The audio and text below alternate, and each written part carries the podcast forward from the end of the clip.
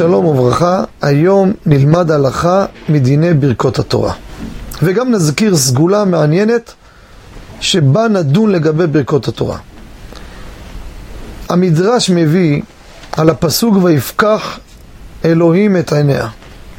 אמר רבי בנימין, הכל בחזקת סומין, עד שהקדוש ברוך הוא מאיר את עיניהם. כך לשון המדרש. אומרים חכמים מהדורות האחרונים, שזו האמירה הזו לומר את זה. כשאדם מאבד משהו ולא מוצא אותו, זו סגולה בדוקה.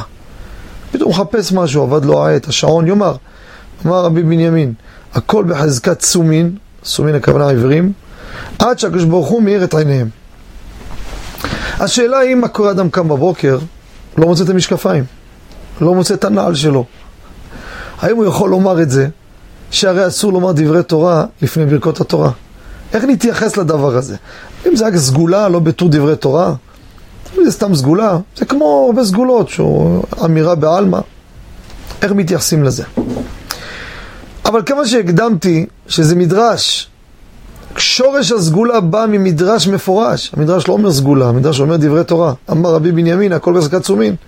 וגם הסבירו בעלי הסברות שלא סתם הסגולה הזו, כשאם אתה מבין ובוטח בקדוש ברוך הוא שכולם בחזקת סומין, העברים, עד שהקדוש ברוך הוא מאיר את עיניהם, אז זה עצמו יעזור לך למצוא את הדבר. נמצא שזה דברי תורה.